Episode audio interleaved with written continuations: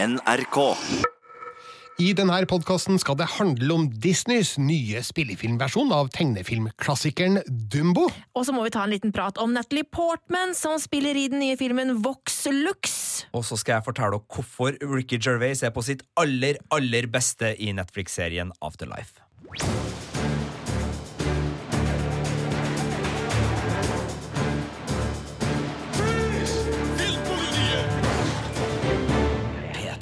I studio i dag, som vanlig, nær sagt, Birger Vestmo. Martensa. Og Sigurd Vik. Og vi starter med Disney, fordi de har jo hatt stor suksess de siste åra med spillefilmversjoner av sine tegnefilmklassikere. For eksempel Askepott, Skjønnheten og udyret og Jungelboken.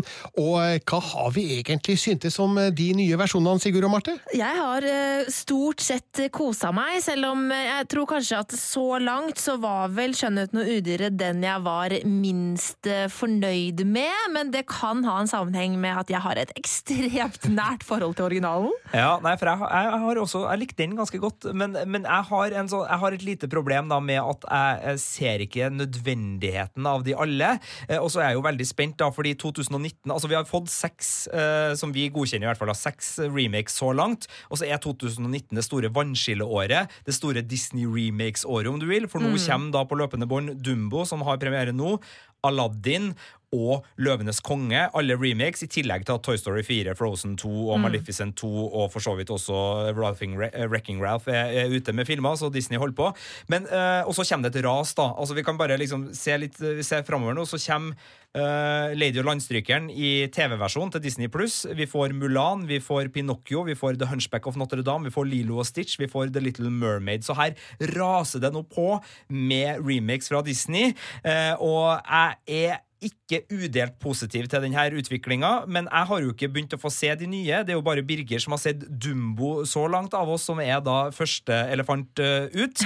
Eh, er det noe elefant i rommet-vits her, eller skal vi bare begynne å snakke om, eh, om hvordan førstefilmen var, eller hva skal vi gjøre der? Nei, altså, Når du sier førstefilmen, vet jeg ikke helt hvilken du sikter til. Altså, Nei, årets første remake. Årets Ja, første okay. remake, ja. For det er jo virkelig Dumbo. Baby Jumbo, look at me. Do what I do. Blow.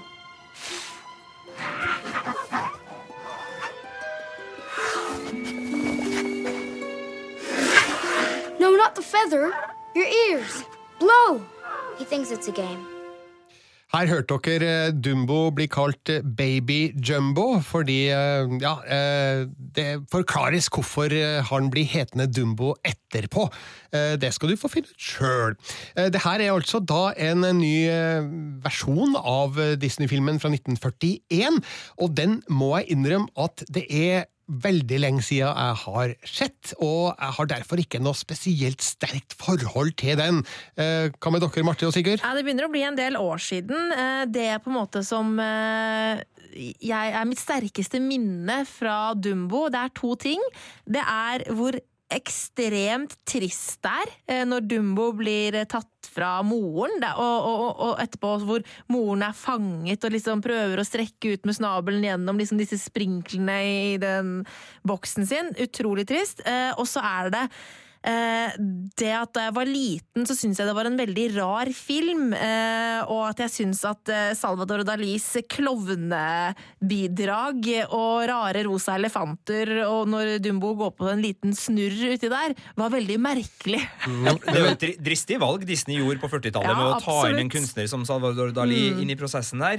Eh, For meg så er det også et, eh, en film jeg ikke har sett siden jeg så den på VHS. Eh, Hjemme hos oss var det min søster som samla på Disney-klassikere på video. Hun samla på engelsk, eh, og da var det jo før teksting via DVD, eh, Choose Subtitles, så da var det jo ikke noe, noe tekst å få der. Eh, Jeg hadde noen på norsk, eh, Jungelboken, Robin Hood osv., men Dumbo var da på engelsk, og jeg så den.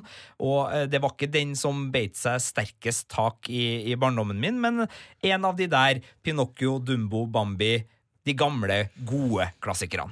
Vet du hva, Marte? Alt det du sa i sted, er med i filmen. Det er det, ja. Altså, Bruddet mellom Dumbo og mora er en viktig del av eh, handlinga. Eh, vi får også, også se Dumbo med klovnefjes, og de rosa elefantene de er òg med på Ja. et finurlig vis. Så Sånn sett så trekker jo regissør Tim Burton klare paralleller til råmaterialet her, eh, som jo igjen er basert på en bok fra 1939 av eh, Og hva var det de het, da? Helen eh, jeg har det skrevet her et sted, nemlig. Helen Aberson og Harold Pearl de skrev da boka Dumbo, som to år senere ble gjort til en tegnefilm. Og nå har da en manusforfatter som heter Aaron Kruger bygga videre på de elementene, og um, her får vi da flere menneskefigurer, spilt av Colin Farrell, Michael Keaton, Danny DeVito og Eva Green, som hver og en har sin backstory her. Eh, så litt kjøtt på beinet har dem, men eh, det her er likevel en forholdsvis enkel og rettsnora eventyrfilm som er beregna for et ungt publikum. Altså det, er, det er småbarnsfamiliene som skal lokkes inn i kinosalen her, og ikke nødvendigvis eh, oss voksne som har nostalgiske minner fra, fra tegnefilmen. Men hva tenker du? Eh, Du er jo både filmkritiker, har sett tegnefilmen, har sett den nye filmen og er far med, med to barn. Altså, Hvis du skulle ha liksom vist fram én versjon, altså hadde du i 2019 vist fram tegnefilmen, eller hadde du ville ha vist fram denne nyinnspillinga? Eh, jeg ville nok ha starta med tegnefilmen. Altså Mitt problem på privaten her nå, da, for å trekke fram det, er at jeg har tenåringsgutter som eh, sk- skyr enhver form for barnefilm, for det er de blitt for store for.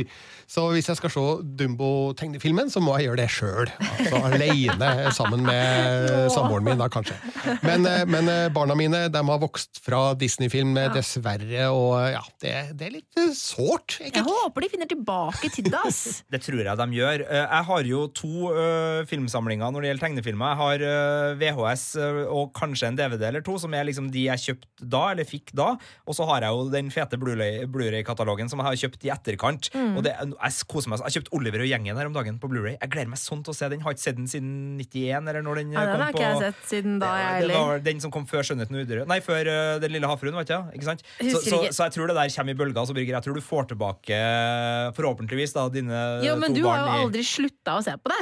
jo, jeg hadde en lang, jeg hadde en lang periode der jeg ikke altså det er, Jeg skydde ikke, nei, men altså eh, Når jeg begynte å få Pulp Fiction, Fight Club, Matrix og sånne filmer Så så du ikke. Disney lenger? Jeg så andre Tim Burton-filmer, det gjorde jeg med stor kjærlighet, men jeg drev ikke og så Disney underveis når jeg var sånn 17, Å, 18, er det sant? 19, 20 Nei, nei, Jeg nei. har nei. alltid sett og så uh, fant, jeg, fant jeg tilbake. Nei, Disney har vært med meg hele veien. Jeg har alltid kunnet satt på en hvilken som helst eh, Disney-film selv når jeg var liksom rebelsk tenåring. Ikke at jeg var så innmari rebelsk, men eh, Men eh, Tim Burton har jo da levert en av sine kanskje lyseste filmer på, på lenge. Han er jo kjent for litt mørkere uttrykk, eh, sånn som i Batman-filmene og Edvard Saksehånd og Ed Wood og flere andre. Eh, Nightmare Before Christmas, selv om han ikke har regi. Så, og ja. Corpse Bride. Eh, Så um, Dumbo er en eventyrlig og fargesprakende film med et visuelt uttrykk som jeg syns er spennende. Han ligger jo som alltid litt sånn på utsida av det realistiske, så vi er absolutt i et, i et tilskrudd univers her. Men jeg syns at eh, de visuelle virkemidlene er morsomme og spennende, og det er morsomt å se på. Så her er det mye snadder å hente for de som eh, liker å se et filmatisk univers eh, som eh, er av det kunstige, fantasifulle slaget. Dette her er jo den andre Disney-remaken til Tim Burton. Han gjorde jo Alice i Eventyrland i 2010. Eh, Hvis du skal liksom Hvilken er best? Eh, vet du hva, jeg husker ikke helt lenger hva jeg syntes om Alice i Eventyrland, men jeg tror at Dumbo er omtrent i samme bane sånn kvalitetsmessig. For uh, sjøl om eh, det er visuelt velgjort, og eh, historien er, er fin, og den har eh, noen spenningsmomenter, så, så, så er det ikke veldig spennende, og det er litt sånn likegyldig eh, spenning, og eh, det er litt for tynne figurer til at eh, jeg lar meg engasjere veldig av det som foregår da. Bare for å si veldig kort hva filmen egentlig handler om, så, ja, for det er kanskje noen som ikke har sett Ja, Dumbo. alle har ikke sett Dumbo, nei. Så det handler jo da om en liten elefant som blir født i et omreisende sirkus eh, rett etter første verdenskrig i, i USA, da, og jeg tror året er 1919. Eh, han blir født med enorme ører. Og det viser seg jo da selvfølgelig at disse ørene kan han bruke til å fly med, og han blir derfor en stor sensasjon i det sirkuset. Eh, Han blir trent av Holt, spilt av Colin Farrell, og hans barn Millie og Joel, spilt av Nico Parker og Finley Hobbins. Eh, Så kommer det da en svær sirkusmagnat, eh, Van de spilt av en herlig Michael Keaton, som kjøper opp hele sirkuset, inkludert da sirkusdirektøren Max Medici, spilt av Danny DeVito, tar all med seg til sin store fornøyelsespark Dreamland i New York, Eh, og det er faktisk en veldig flott fornøyelsespark, eh, sånn som den blir fremstilt i filmen. Selvfølgelig har jo medaljen en bakside, som vi får da stift bekjentskap med etter hvert, men eh, måten vi blir innført i den fornøyelsesparken på, gjør at eh, den, har jeg gjerne besøkt, så lag gjerne et eh, fungerende Dreamland Disney, dere har plass til det i Disney World og Disneyland. Eh, Men når de kommer dit, så viser det seg jo etter hvert at eh, Van de Veer har eh, slemme hensikter, og så er da mora til Dumbo i fangenskap der, og det blir bestemt at hun skal avlives. Og det kan jo ikke skje, så her må det legges planer for å redde henne. så det er hele plottet, uten at jeg har avslørt for mye, føler jeg da.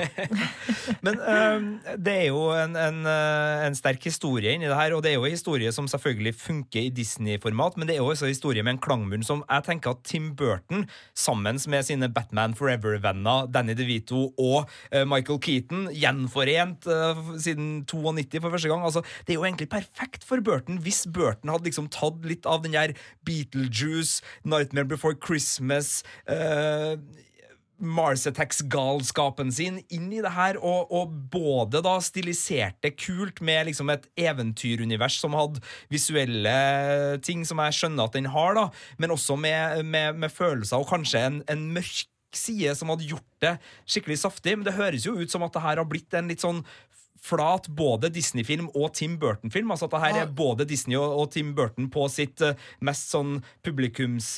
Njeh. Ja, men eh, du har helt rett i det. Altså, eh, du har eh, snev av det visuelle uttrykket som du er ute etter. Men historiefortellinga er veldig snill, og den er veldig trygg. Og personene er enten veldig snille eller veldig slemme. Men ja, ok, kanskje ikke veldig slemme, da, men de er litt slemme. Sånn Disney-slemme, hvis du skjønner. Sånn at de fortjener jo det som skjer med dem, men de er ikke skremmende for eh, de på fem, seks, eh, sju år, sjøl om filmen faktisk har fått niårsgrense pga. utrygg stemning, og det jeg syns det er litt strengt, da, men eh, ok, det er det Medietilsynet har eh, sagt. Eh, Så nei, eh, jeg tenker at her har nok Tim Burton eh, fått beskjed om, eller eh, skjønt sjøl, at eh, han kan ikke tråkke for grundig til i Disney-salaten. Altså, det er en Disney-film, og de forventer vel da en, eh, en forholdsvis enkel tone på eh, historiefortellinga, og eh, det hadde vel kanskje skurra litt da for Disney-fanatikere om Dumbo hadde blitt en en riktig slem og skummel film, der Burton hadde skrudd til uttrykket sånn som han, vi vet han kan da i sine aller beste filmer. Så det det er mer en Disney-film enn en Tim Burton-film, tenker jeg.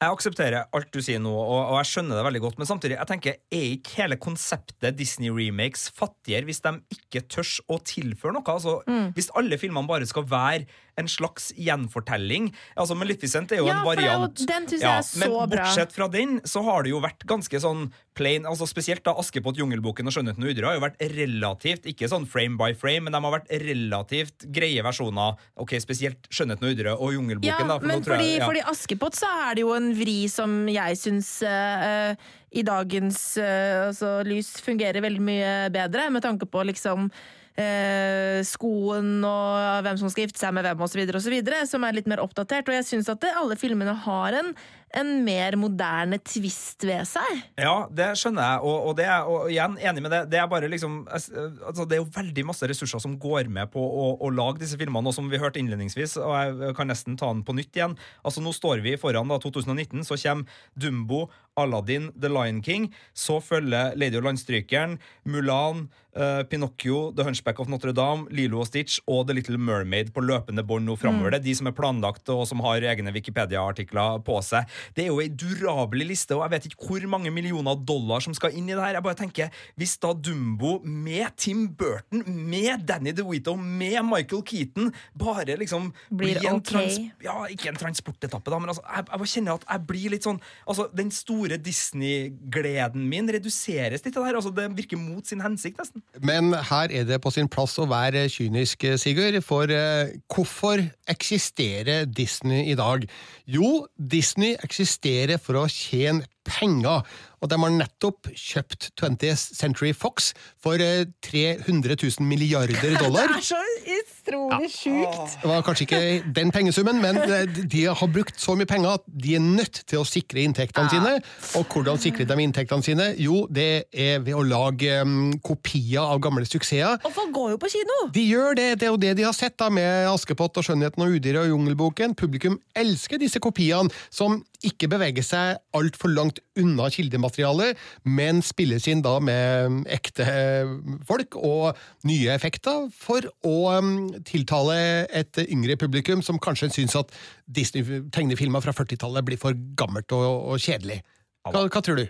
Nei, Du har jo helt rett i det. Og, og det, det, er jo den der kombinasjonen jeg søker. ikke sant? Jeg, jeg, forventer jo ikke at Disney skal være noe annet enn et forferdelig gigantisk maskineri fra Hollywood som har tenkt å skamløst utnytte mine følelser og min lommebok, og eventuelt uh, alle dere som hører på sin families lommebok også. Jeg vet jo at de er der, men jeg bare tenker, du kan gjøre to ting samtidig. og det er jo Grunnen til at Disney har kommet seg i den posisjonen, og det at de har liksom den tilliten til å både kjøpe opp uh, Fox Kanskje vi får se Simpsons og Dumbo sammen snart nå, de har rettighetene. Uh, men jeg bare syns det er litt sånn synd at de ikke tør å gå mer løs på det. Og nå snakker vi jo om Disney-remakes-året 2019, og det er jo Dumbo som er først ute. Nå kommer Aladdin og Løvenes konge også, som er de rene remakene i live action-format.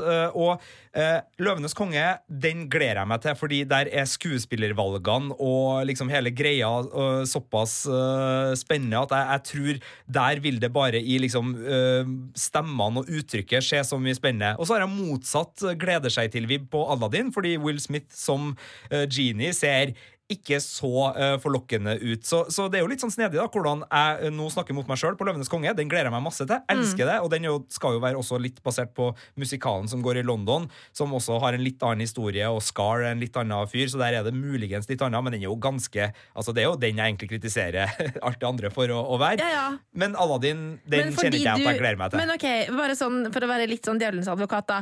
Jeg vet at du elsker uh, Løvenes konge-filmen ekstremt høyt. Uh, det er den beste Disney-klassikeren, ja. Ikke sant? ja. Det er terningkast seks, ja. Og da tenker jeg bare sånn, Er det fordi at du elska originalen så mye at du, at du gleder deg til filmen? For, altså, hva var forholdet ditt til Aladdin? Elsker han. Okay, Kjøpt uh, VHS-en, fikk med uh, kaffekrus og dongeriskjorte. Nei, ja, Det var søstera mi som gjorde det, og jeg var kjempemisunnelig. Men jeg husker vi var på kjøpesenteret og fikk den pakka her Ja. da Aladdin kom på, på video. Uh, fikk også Happy Meal på Mækkern, tror jeg, med, med Ja, uh, Aladdin-leke. hvis jeg husker riktig Og uh, elsker Aladdin-tegnefilmen. Jeg elsker den Og jeg syns Genie med Robin Williams ja, Jo, Robin, Robin Williams sin stemme. Nå Mm. jeg trodde jeg snakka om en artist fra England, men det gjorde jeg heldigvis ikke. Er jo en av de råeste Disney-figurene ever. Det er bare at når Will Smith skal gjøre det Og, og jeg føler at den filmen hvis den bare skal remakes, den historien kan jeg jo, den har jeg sett før. Det blir ikke en bedre Jafar denne gangen. Nei. Jeg, jeg har ikke trua på det, men jeg har trua på at liksom, uh, Donald Glover og gjengen og Beyoncé kan lage en vel så bra Løvenes konge. Men, men jeg har trua på at A Whole New World på et uh, flygende teppe uh, over Agraba kommer til å bli gåsehud. Det kommer jo til å bli det! Men Du får jo gåsehud bare jeg sier Game of Thrones, Marte, så, så du er jo feilkalibrert i, i så måte. Gåsehudterskelen din er, er ikke representativ for uh, det norske kinopublikum. Men for å avslutte med Dumbo, da, så er det ikke en dårlig film. Den er ålreit, den er hyggelig, den, det er en fin familiefilm, satt i en eventyrlig ramme, og med Tim Burtons umiskjennelige visuelle krumspring eh, ganske tydelig representert.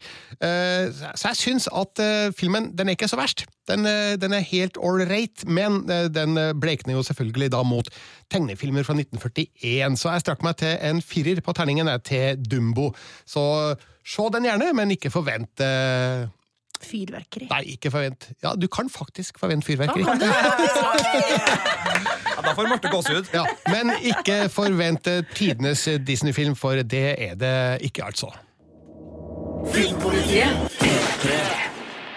Så skal vi over på en annen film som har premiere denne helga. Den heter Vox Lux og har Natalie Portman i hovedrollen som en stor popstjerne. on the significance of these upcoming arena performances for you personally. Uh, you're kicking things off in your hometown. This is a culmination of my life's work so far. You know, we worked on it for two years before bringing it to the public. Uh, why, why two years? Well, the year before that, I was under a lot of stress after my accident. And it's an expensive show to put on. I, I, I wanted to make sure all the best people became available. You know, I wanted all my best dancers back. With the decision to kick things off in New Brighton, you must have considered the event like a like a homecoming resurgence since the accident and the arrest for uh, causing serious injury by dangerous injury, driving. not serious injury. Natalie Portman har jeg elska helt siden hun brakdebuterte i Luc Bessons fantastiske film Leon i 1994. Er det noen som ikke har sett Leon her? Nei, den er helt utrolig bra. Den er kjempebra, eh, men eh, jeg tror ikke jeg registrerte hvem hun var før Star Wars, sånn egentlig. Altså at jeg liksom beit meg merke i Men navnet. tenkte du ikke på at hun jenta i Leon var dritkul? Jo, men jeg tenkte ikke på uh, altså, at hun het Natalie Portman. Sånn, altså, jeg var ikke Ja, bevisst sånn, ja. at uh, det var liksom en skuespillerinne som het Natalie Portman før uh, Star Wars episode one. Altså. jeg skjønte allerede etter Leon at her har vi med å gjøre et ekstremt stort talent som vi kommer til å få mye glede av i flere tiår fremover. Og jeg var selvfølgelig den eneste som tenkte det. Så jeg var forut for min tid. Nei da, det var jo klart for alle at Natalie Portman kom til å bli noe, og eh, ja, hun spilte i Star Wars, eh, men eh, det var vel ikke der hun for alvor skjøt fart eh, som eh, skuespiller. Eh, det kom vel i kjølvannet av Star Wars-suksessen, der hun begynte å få flere interessante roller, og det toppa seg vel da hun vant Oscar for Ronny rollen i Black Swan for noen år tilbake. Hun er vel anerkjent nå som en av eh, våre mest eh, interessante skuespillere, vel? Ja, og en av de som klarer å være så utrolig variert. Altså, hun spiller så utrolig mange ulike roller, hun, og hun går helt Helt inn i disse rollene også. Altså, hun er jo helt ulike mennesker fra film til film. Ja, jeg tror to av mine favoritter med henne er altså Garden State eh, er jo for en er in- indie-musikkfyr som meg, med masse The Shins på soundtracket, og jeg elsker Scrubs-serien, og der kommer bare hun og spiller ja, Hun er jo dronninga av indiefilm Mm. eh, når hun kommer med Garden State eh, i 2004. Så har du liksom V for Vendetta. Ja. Som er noe helt annet, og så har du liksom Black Swan, som du var inne på, og så har du hun spiller i Thor. Da er hun helt naturlig sømløst inn i Marvel Cinematic Universe med en litt sånn morsom Altså, hun er allsidig med Ja. stor A, Ja. og en ja, virkelig av eh, våre store stjerner, altså. Det er og ingen de, tvil om. I de siste åra har vi sett henne som Jackie Kennedy i filmen Jackie, og hun spilte i, i eh, Netflix-filmen Annihilation tidligere i år, og snart får vi se henne i Xavier Dolans nye film The Death and Life of John F. Donovan. Men eh, nå spiller hun altså Celeste i filmen Vox Lux. Og det er en film regissert av Brady Corbett, eh, som tidligere har eh, bakgrunn som skuespiller. Eh, Laga én film før, men det her er virkelig det beste han har gjort så langt. Og han har skrevet manuset sjøl, sammen med norske Mona Fastvold. Og det er en film om en artist som stabler en karriere på beina i kjølvannet av en traumatisk hendelse. For den unge Celeste, spilt av Raffy Cassidy, fremfører eh, ei låt i forbindelse med det som skjer. Som jeg ikke avslører her nå. Eh, hun blir plukka opp av en manager, eh, og plutselig så er hun popstjerne. Og Så hopper filmen da fra 1999 til 2017, og vi møter da den voksne Celeste, spilt av Natalie Portman. Og vi skjønner at det, har vært noen vanskelige år. Hun har vært innblanda i noen kontroversielle hendelser. Hun sliter med forholdet til søstera Elaine, som skriver alle låtene hennes, og alltid har gjort det, og lever da i eh, skyggen av sin eh, artistsøster. Og hun sliter også med forholdet til sin eh, datter Albertine, som da, morsomt nok, også spilles av Raffi Cassidy, så hun har en dobbeltrolle i Vox Lux. Eh, men det handler ikke bare om å være popstjerne. Det handler om eh, eh, vårt forbruk av popkulturelle fenomener. Det handler om hvordan popkulturen farger samtida, og hvordan eh, hendelser eh, faktisk da farger den andre veien, da, altså mot eh, popkulturen. Ja, altså jeg syns det er litt fascinerende dette med det samspillet der, hvordan man farges av hverandre. Og, nå, akkurat nå så har jo Justin Bieber gått ut og sagt at han skal trekke seg tilbake fra rampelyset, og fordi at eh, altså, påtrykket fra fansen har vært så stort og alt mulig sånn der. Tar den Jeg, jeg noen tror det var sånn vann i, på rampelyset, så Ja, han ville ikke der. så han orka ikke det rampelyset lenger. Beklager, det var, det var Eh, unødvendig. Men igjen, det, det er jo temaer som er veldig i tiden. Eh, altså, det aspektet ved eh, å være popstjerne, eh, tar Voxlux eh, opp noe av det? Eh, Det handler ikke så veldig mye om eh, Celestes forhold til fansen, eh, men det handler mye om hennes forhold til presse og Ja. management, og i hele tatt det å forventes å ha en mening om alt, bare fordi du kan stå på en scene og synge pop. Eh, Vi ser eh, en scene i filmen eh, som vi hørte klipp av her nå, der en journalist prøver å få Celeste til å uttale seg om noe som har inntruffet. Noe som egentlig ikke har noe relevans eh, direkte til det hun gjør, men eh, som likevel blir et tema som hun må forholde seg til, da. Og eh, filmen eh, er jo en diskusjon om eh, eh, vårt behov for å ha slike popkulturelle høyheter som en type Celeste til å fortelle oss ting som hun muligens ikke har ja, skal vi si, grunnlag da, for å uttale seg så nøye om. Vi, altså, media er jo full av stjerner som uttaler seg om ting de ikke kan. Jeg tror Donald Trump har uh, reagert negativt på sånn ca. 70 navngitte Hollywood-kjendiser nå nylig, som har ment at uh, Eller var ikke han, da, men det var media som mente på vegne av Trump at her må noen komme og beklage seg. ja. Ja, Så det her um, er jo en film som handler om vår samtid. Det handler om oss og hvordan vi forholder oss til disse stjernene, og eh, hvilket press de lever under, og hva det gjør med dem og deres eh, skapende, skaperprosess og, og deres karrierer. Jeg har jo skjønt, øh, for jeg har ikke sett den filmen her ennå, heller ikke sett traileren, jeg har og det hørte vi allerede på filmfestivalen i Tromsø, hvor den filmen her ble vist, at det her er en må-se-film, øh, i hvert fall blant de som er litt sånn filmfeinschmeckere. Den her må ses. Hva er det med filmen som gjør at den når den posisjonen, Birger, som gjør at den liksom blir en sånn der Å, den her må du få med. Altså, er det det visuelle? Er det skuespillerprestasjonen til Natalie Portman? Er det et eller annet med regigrep? Altså, hva som gjør at det her blir en sånn der uh, tidsånd-sak? Den er smal.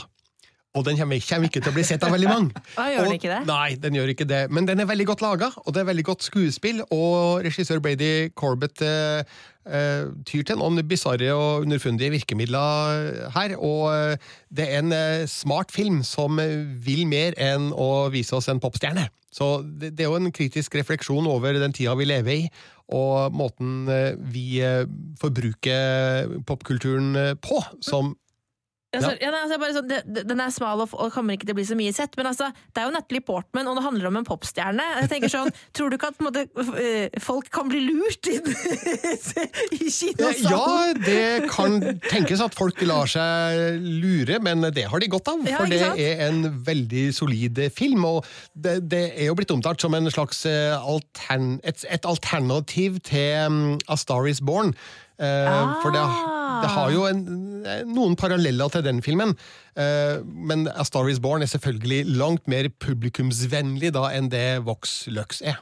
Jeg lurer på, I Star, uh, A Star Is Born så er det en popstjerne som spiller en popstjerne, og som da selvfølgelig har en naturlig autoritet. Altså Når vi ser Lady Gaga i A Star Is Born, spesielt den, hun. ja, ja, spesielt den scenen i, eh, på den her dragpuben hun starter sin karriere og blir oppdaga av Bradley Coopers rollefigur på, det er en, en av de kuleste musikkfilmscenene jeg har sett eh, Ja. de siste årene på kino. Jeg ble, jeg, da var jeg bare sånn her Ja, du får gåsehud nå, ja.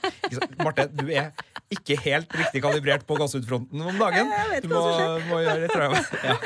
Men, eh, men her er det da en skuespiller, eh, kjent eh, som det, og som skal eh, inn i popstjerneverden, og hun må jo framføre og synge. Altså, eh, det er lett å liksom si at ja, Lady Gaga har en så naturlig utstråling som popstjerne, og det skinner igjennom på A Star Is Born. Altså, er det like lett å se at eh, Natalie Portman, som den skuespillerinna hun er, får igjennom det samme, eller kommer hun til å bli liksom offer for at folk da tenker sånn ja, hun er jo ikke en ordentlig popstjerne, så hun har ikke den samme auraen som jeg ville ha antatt at f.eks. en Lady Gaga ville hatt i denne rollen? Altså, er det noen sånne elementer der? Ja.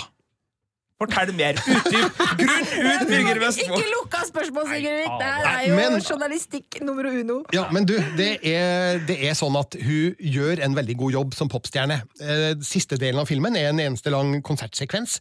Eh, Der det trykkes på alle de rette knappene, og det er sånn lys- og lydshow uten like der, med låter skrevet av Sia. Og eh, hun vet vi kan skrive låter, og Natalie Portman viser seg å kan synge dem fortreffelig. Eh, Hun kan også Hun har også the moves. Eh, Når du ser hun på scenen, så Ok, kanskje jeg ikke kjøper 100% at hun er en svær popstjerne, for man aner at Natalie Portman later som, men hun gjør det godt nok til at vi, vi kjøper fiksjonen her, altså. Vi gjør det. Hun, hun, hun gjør en veldig eh, energisk eh, jobb som eh, Celeste på scenen, og eh, det er godt nok, uh, sjøl om jeg tror nok at Lady Gaga hadde nok gjort det bedre. Ok, eh, så hun, Men hun er jo da i hvert fall Du kjøper popstjerne, selv om det er litt sånn skurre der. Men kan jeg da bare få minne folk om at hun òg har vært hiphop-stjerne eh, i uh, den eh, låta hun har sammen med Lonely Island-gjengen. Det, det, altså Bare uh, gå på YouTube, skriv Lonely Island og Natalie Portman, og bare se den videoen. It's amazing. Jeg har som regel om at når Lonely Island blir nevnt i en filmanmeldelse av en seriøs film, da er på en måte anmeldelsen på, på hell. Har du noe mer å tilføye, Birger? Nei, eh, ikke annet enn at eh, Natalie Portman er jo faktisk da 37 år gammel, og eh, da er man jo en gammel popstjerne, men ja. jeg syns at hun fremstår rundt ti år yngre enn det hun faktisk er. Ja, jeg vet ikke om det var viktig å ta med her, egentlig, men ja, det var nå en, en, en refleksjon på et eller annet nivå. Men det som faktisk er det beste med Voxlux, syns jeg, det er at den, eh, i tillegg til disse låtene som Sia har skrevet, har eh, filmscore av Scott Walker. Og eh, nå vet ikke jeg om alle vet hvem Scott Walker er, eller hva, men faktum er at han døde sist fredag. Og eh, dette er det siste han gjorde. Eh, Scott Walker var stor stjerne på 1960-tallet. Først i eh, bandet The Walker Brothers, eh, som ikke var brødre. Eh, deretter som soloartist med fire, eller ja, fem briljante soloalbum i 1967 til 1970, og så forsvant han litt ut i periferien, men skapa seg en ny karriere utover 80- og 90-tallet som en veldig alternativ artist. Han skrev mer ut i avantgarde-musikk. Eh, ja, jeg skal ikke si så mye mer om det, annet enn at eh, filmmusikken han har komponert til Vox Lux, den er mm, stemningsskapende. Hva, er- hva er godt norsk ord for eerie? Oi, det, det, det ordet har jeg lett etter veldig mange ganger, fordi det er så mye sånn det er litt uhyggelig, men Ja. uhyggelig er feil ord. Ja. Uh, og det er, det er stemningsskapende, men det er heller ikke nok beskrivende nok. Nei, men uh, i hvert fall litt sånn illevarslende Ja. filmmusikk da, som understreker filmens uh, mørke kapitler, for det skjer ting i filmen her som er mm, utrivelig, kan vi si. Ok. Eh, Så for, for min del så var filmmusikken til Scott Walker et høydepunkt, og ja, faktisk så fikk jeg, for jeg fan av Scott Walker da, bare så det er Ja. sagt, eh, og jeg så filmen, eh, på pressevisning. Eh, sjekka Facebook eh, rett etterpå, og der fikk jeg beskjed om at Scott Walker er død. Oi, Så det var, det var litt sånn ja, Måtte Måtte du gråte? Det var eerie. Eerie. Det var eerie. Nei, jeg griner ikke, Marte. Jeg, Nei, du griner jeg gjør ikke sånt. Han, han avslørte jo at han uh, Ja, han felte en tåre. Heimebane. Heimebanesesongen. Ja, ja, det er faktisk sant. Det er faktisk sant. Uh, ja, så da tror jeg vi skal si eh, at Vox Lux er en veldig god film, og jeg skjønner at den kanskje ikke er for all, men de som tar sjansen på den, vil få en fantastisk rolleprestasjon fra Natalie Portman, og man får en interessant film om vårt forhold til popkultur som eh, vil pirre nysgjerrigheten og intellektet. Siste post i vår podkast handler om en serie som du har sett på Netflix, Sigurd. Det har jeg, og for å sette stemninga med en gang, her får dere litt fra Afterlife. If you're watching this, then I'm not around anymore. But don't spiral, don't obsess. Keep going. So how are you? A good day is when I don't go around wanting to shoot random strangers in the face and then turn the gun on myself. Bad then. Thought I'd leave you a little guide to life without me. You're lovely, but you're absolutely fucking useless. Stay active.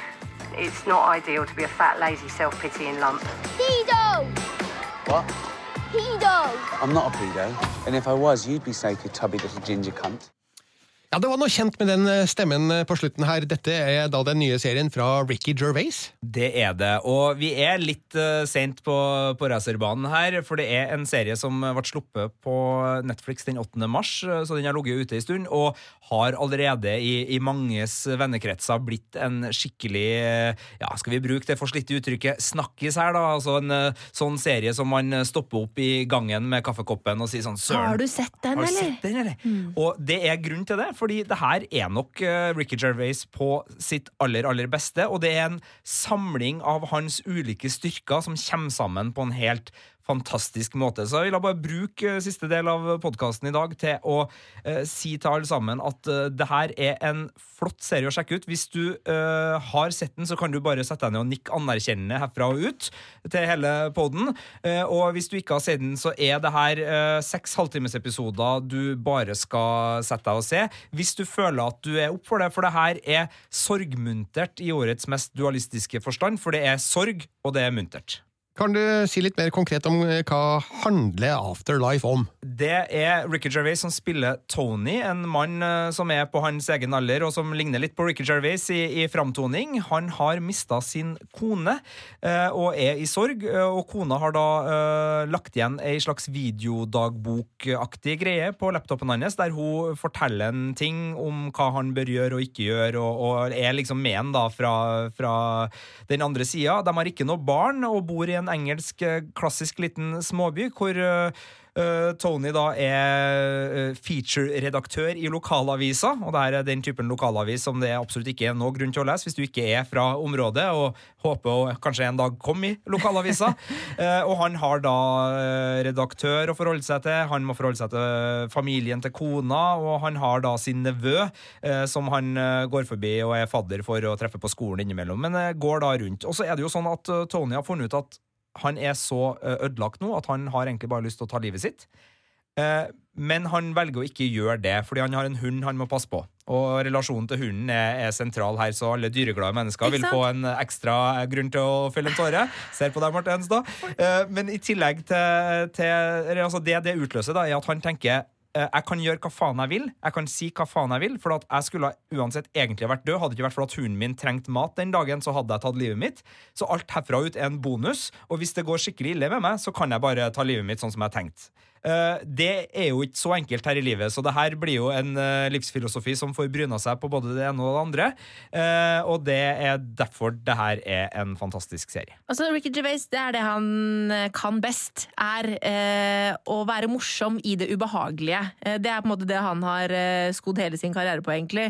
Eh, men når det gjelder det derre Hva er det du kalte det? Tristmuntert? Sorgmuntert. Sorgmuntert. Ja. Eh, eh, altså, for, for meg, altså, jeg blir så, det blir så trist. Jeg har ikke orka å se Afterlife ennå, fordi at jeg antar at jeg, jeg bare på en måte kommer til å sitte og grine meg gjennom hele serien. Ja, og Hvis eh, han hadde vært litt mer brutal på episodesluttene, så hadde han kunnet slutta episoder på punkt som har fått deg til å gå rett i kjelleren. Altså Det er øyeblikket i den serien her som, som treffer eh, og Vi har alle levd ulike liv, og vi har garantert eh, opplevd ting i livene våre alle sammen som rammer oss på ulikt vis, og det her er en serie som er så vanvittig god til å treffe de punktene, og treffe de punktene på en måte som åpner den døra til alt vi følte den gangen. Så hvis man har opplevd øh, dødsfall i familien, hvis man har opplevd øh, kjæledyr som har gått bort, hvis man har opplevd Altså, det er så mye, da. Og du kommer til å bli så truffet, og det kommer til å gjøre så vondt, men heldigvis da, så er Ricky Gervais Ricky Gervais, så han får deg opp igjen. Og det er litt sånn katarsis, det er litt sånn godhulking. Jeg, jeg gråt under i serien her, jeg. Eh, mange som kommer til å gjøre det. Birger kommer ikke til å gjøre det, men det, det er jo greit. Men eh, altså, den, den, den treffer hverdagstristessen etter sorg, for eksempel, på en måte som er helt sånn her Du, du, du blir overvelda. Det, det er helt grusomt. Men så, i neste scene, så kjefter han opp en liten tjukk fyr for å kalle han pedofil på skolegården, og så blir man med i den andre delen av Ricky Gervais. Den delen av Ricky Gervais som tar ølen fra Mel Gibson under Golden Globe-utdelinga og sier sånn Hei, du skal ikke ha noe her. Altså den herlig frekke Ricky Gervais. Men hvordan, ja, men hvordan spiller han oppi det her? Altså, Spiller han enda en versjon av Ricky Gervais?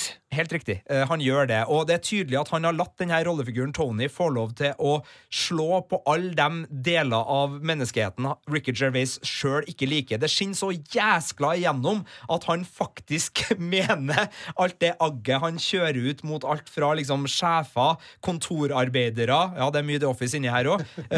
til, til liksom alle. Altså, det skinner igjennom. Samtidig så har han et stort hjerte. Og uh, dem som likte Derek veldig godt, som var hans forrige Netflix-serie, som var mye mer uh, spesiell og mye mer sosialrealisme i komedien sin, uh, dem får også en, en god oppfølging her. Og ja, han møter hora med hjerte av gull som bor i denne landsbyen. Han blir kompis med den heroinavhengige avisbudet. Og, så det er et stort hjerte for outsidere da, i Ricky Gervais sitt univers. Men det her er, som du sier, Birger, det her er mange versjoner av Ricky Gervais stappa inn i en serie, og jeg elsker det. Og så bare for å skvise bare litt grann i Game of Thrones inn i denne podkasten, så bare må jeg spørre eh, eh, Walder Frey spiller spiller i denne i serien som faren til Ricky Gervais her. Eh, David Bradley. Eh, er han en trivelig fyr? Eh, David Bradley spiller David Bradley. Altså Ja. David Bradley er jo da også vaktmester i Harry Potter og Walder Frey i Game of Thrones og en haug med andre ting. Broadchurch han har spilt i så mye. Og han spiller den sinte, gamle, bitre, beske britiske mannen som allikevel overrasker med humør og kjærlighet. Og det er da den demente faren til Ricky Gervais som han stikker innom og besøker hver dag og bare sitter og tenker liksom sånn Hvorfor gjør jeg det her? Du vet jo ikke hvem jeg er. Jeg kan si hva som helst til deg. Jeg kan liksom, ja. det, det, det er et herlig spill mellom dem to, og så plutselig har faren et klart øyeblikk.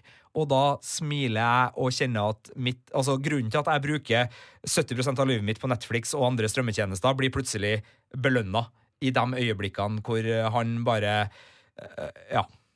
Å, det var fint. Ok, jeg skal sjekke den ut, da. Jeg må bare si at uh, På Internet Movie Database, eh, som er liksom bibelen uh, vår for film og serier, så har uh, Afterlife da en poengscore eh, på 8,6.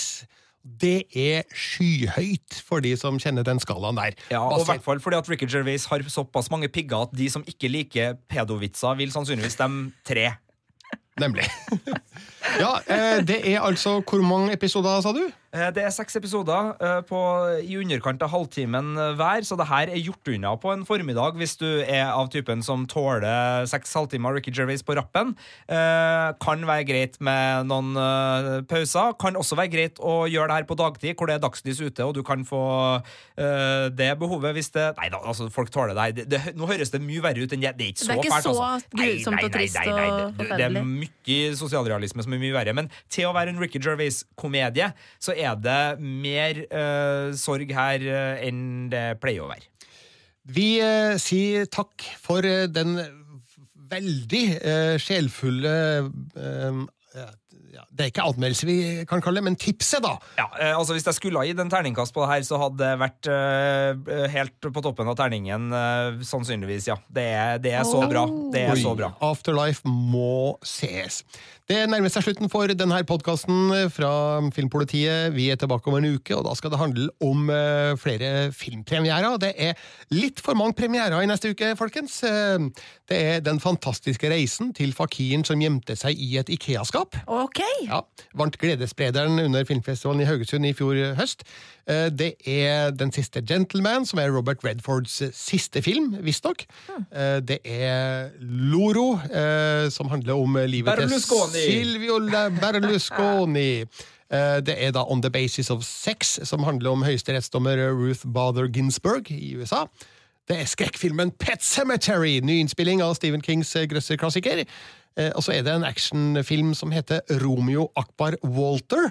Eh, jeg vet ingenting om den. Og så er det en film jeg gleder meg veldig til. Det er Shazam! Ja, den har premiere til uka, ja! Superheltfilmen Shazam, Den som ser så morsom ut! Den ser kjempeartig ut. Ja, så det er nok Vi kommer ikke til å snakke om alle dem i neste Nei, podkast. men noen av dem skal vi snakke om i neste podkast, som du i likhet med den her finner der du finner dine podkaster.